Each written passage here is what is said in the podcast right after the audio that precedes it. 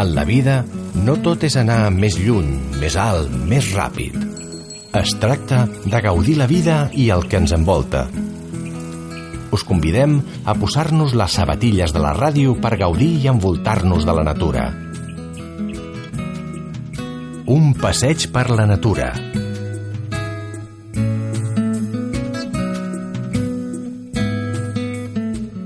Tal? Estem disposats una altra vegada. Aquest matí ens hem aixecat així amb una mandra perquè hem fet bivac. Eh, Què tal, José Luis?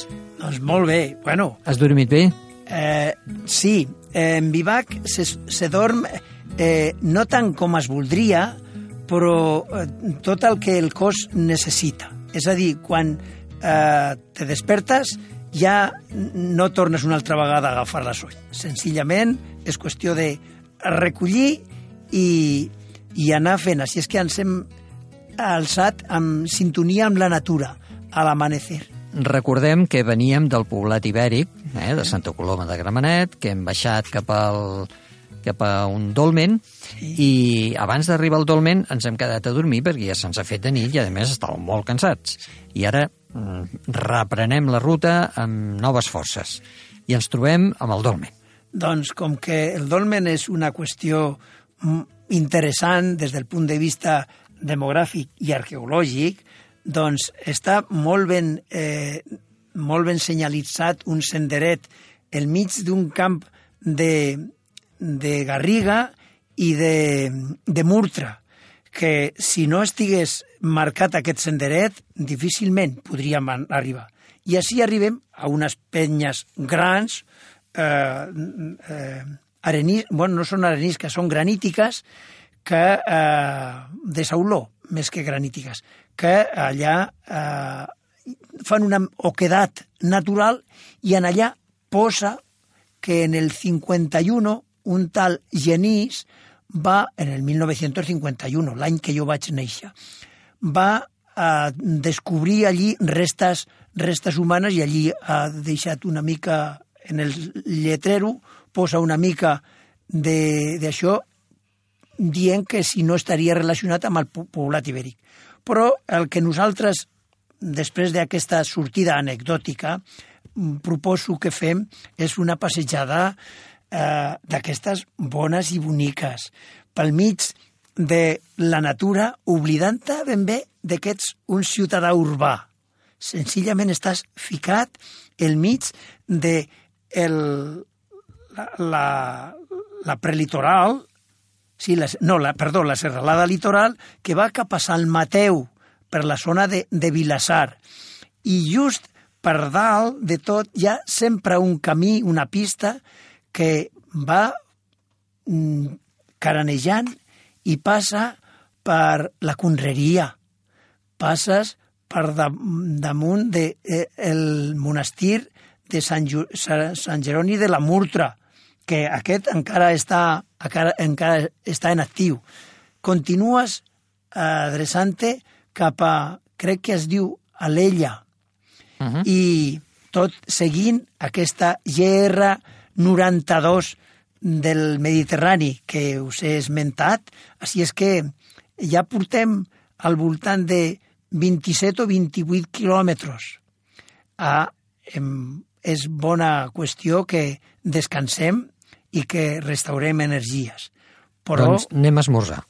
un cop haurem esmorzat i mentre esmorzeu jo us puc dir que aquest recorregut passa per zones que ara estan recuperant de vinya i vi de denominació d'origen crec que es diu Alella.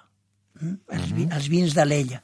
Jo no sóc pas amant dels vins, però sí del raïm. Eh? I he menjat i he pres raïm d'aquestes eh, feixes que, de raïm que hi ha en allà. Te'n recorda aquella poesia de vinyes verdes vora el mar? Mm -hmm. Uh -huh. Sí. Doncs eh, jo recordo haver fet una excursió quan era petit o quan era més jove eh, a Cabrera i passar per una font que hi havia eh, una font amb gas, La font picant. la font picant. I abans de pujar dalt del castell Sempre anàvem allà amb aquella font, sí. ens bevíem algun got d'aigua i Sí. després... Sí, sí, Font Picant està ja, eh, clar, en la, en la zona de, de, de Cabrera, hem passat a l'Ella, i en la zona de Cabrera es veu senzillament un turó molt rodonet i molt punxegut, un queixal, que a dalt té un castell. És el castell que li en diuen castell de Burriac. I la Font Picant, doncs, és un espai que havien tret aquesta aigua que, que, que es publicaven abans, Font Picant, eh, d'allà, però que després va... Això, amb el temps, ha estat un espai que va explotar un restaurant i luego després ja que ha, ha vingut a menys i lo van ocupar uns ocupes i luego ja el municipi ha fet fora els ocupes i ens ho ha tornat una altra vegada a deixar els passejants per la muntanya. I sí, anant pel darrere, seguint eh, la pista i el sender, arribem fins a, a, a atacar i a conquerir el castell que ara és inaccessible ah, inaccessible, vull dir que no està obert, però que jo he entrat i fins i tot he pujat a dalt i tinc l'atreviment de dir, o vaig tenir l'atreviment de pujar i baixar amb cordes per, per la torre. Això eren uns altres temps, eh? altres temps. Ara això ja no, ja no es fa. Sí.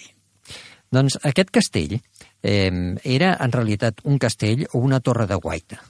No, no, era el castell de la baronia de Cabrera, del baró de Cabrera, no és pas una torre. És, és cert, queda eh, fonamentalment el, el mur rodó com si fos una torre de guaita, però no, no, és un castell, té, té infraestructura mm, allà, i fins i tot un aljibe que recollia que recollia l'aigua, esclar, de, dels xàfecs, aquests que cauen per la zona de Vilassar i del Maresme, que s'emporten amb les rieres eh, els cotxes cap a baix. Que déu nhi quan cau l'aigua, no? Sí. No cau mai, però quan cau, Bueno, mm, sí, per sí, tot sí l'any. cau, sí. Al setembre eh, sempre alerten, sempre alerten que no es deixin en les rieres, perquè eh, en poc se replega molta aigua allà. Una vegada estem a dalt del castell, eh, tindrem que baixar. Cap a on enfrontem la baixada? Cap a Argentona? Cap a Cabrera? Mm, No, no, no fem, anem, anem cap a Vilassar. És a dir, tornem una altra vegada a baixar a Font Picant i hi ha una pista mm, eh, molt bé sinuosa que va baixant per, per, per el barranc i arriba a una zona de camps de conreu abans eh, i que a més a més està a un costat i a l'altre, però fonamentalment al costat de la dret, del dret, de la dreta és un espai que hi ha jaciments, jaciments de, de runes eh, ibèriques. Hi ha unes grans esplanades que s'haurà fet càrrec al municipi en les que fins i tot hi han termes, de, o sea, runes de les termes del poblat ibèric. Hi ha una casualitat. Hi havia, bueno, una casualitat, una curiositat, més ben dit. Hi havia un que va voler fer en el seu, en la seva, en el seu terrenyet, va voler construir una torre. Van posar-se a fer, esburgar, a, a gratar per veure els fonaments i s'hi van trobar que estava tot eh, trossellat de, de, de, de, de edificacions, de, de parets del poblat antic i s'ha fet càrrec l'Ajuntament, no sé quan li hauran donat, han posat allà a prop un museu de, de la zona arqueològic en aquest sentit i allí ho han deixat perquè ho veiem i el senyor pues, haurà buscat altre lloc on fer-se la, teva, la seva torre. Home, això és curiós, eh? perquè quan un eh, està en alguns poblats... Jo sé d'una persona eh, que és amic meu, que viu en una població de València que es diu Sagunt, i mm, a l'hora de fer la casa doncs també va tindre una situació amb el patrimoni perquè es va trobar unes ruïnes romanes i llavors van tenir que parar les obres, vindre a fer tot un aixecament topogràfic i tot un registre i després ja li van deixar seguir les obres i al final l'home es va trobar amb una bodega a baix, a casa, la seva mm, bodega, té una espècie de, de, de bodega allà, que és romana, Sí, sí. o sigui, del, del temps dels romans. Sí, sí. Així que tot això de l'arqueologia és curiós.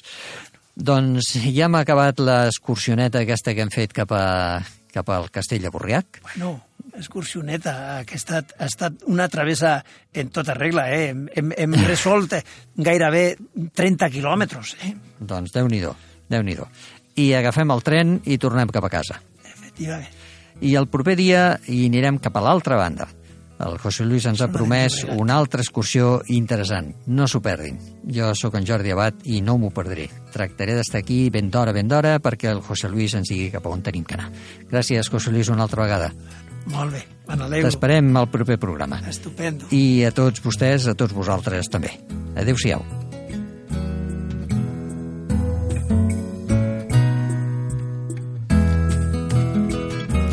Quedeu convidats per fer una altra excursió amb nosaltres, tot gaudint de la natura.